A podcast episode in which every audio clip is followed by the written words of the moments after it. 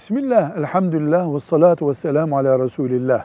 Karı kocanın çocuk sahibi olmayı ertelemesi veya hiç çocuklarının olmasını istememeleri, bunu engellemeleri günah mıdır? Hayır. Evlenmiş olmak illa çocuğunuz olacak yoksa günaha girersiniz demek değildir. Ancak eşlerden biri çocuğunun olmasını istiyorsa öbürü o hakka saygılı olmalıdır tek taraflı bir engelleme caiz değil. Bu bir kul hakkıdır. Hatta boşanma nedeni olur.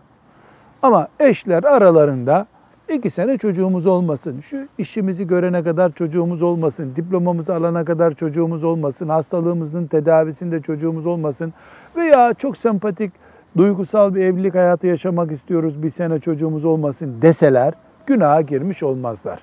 Velhamdülillahi Rabbil Alemin.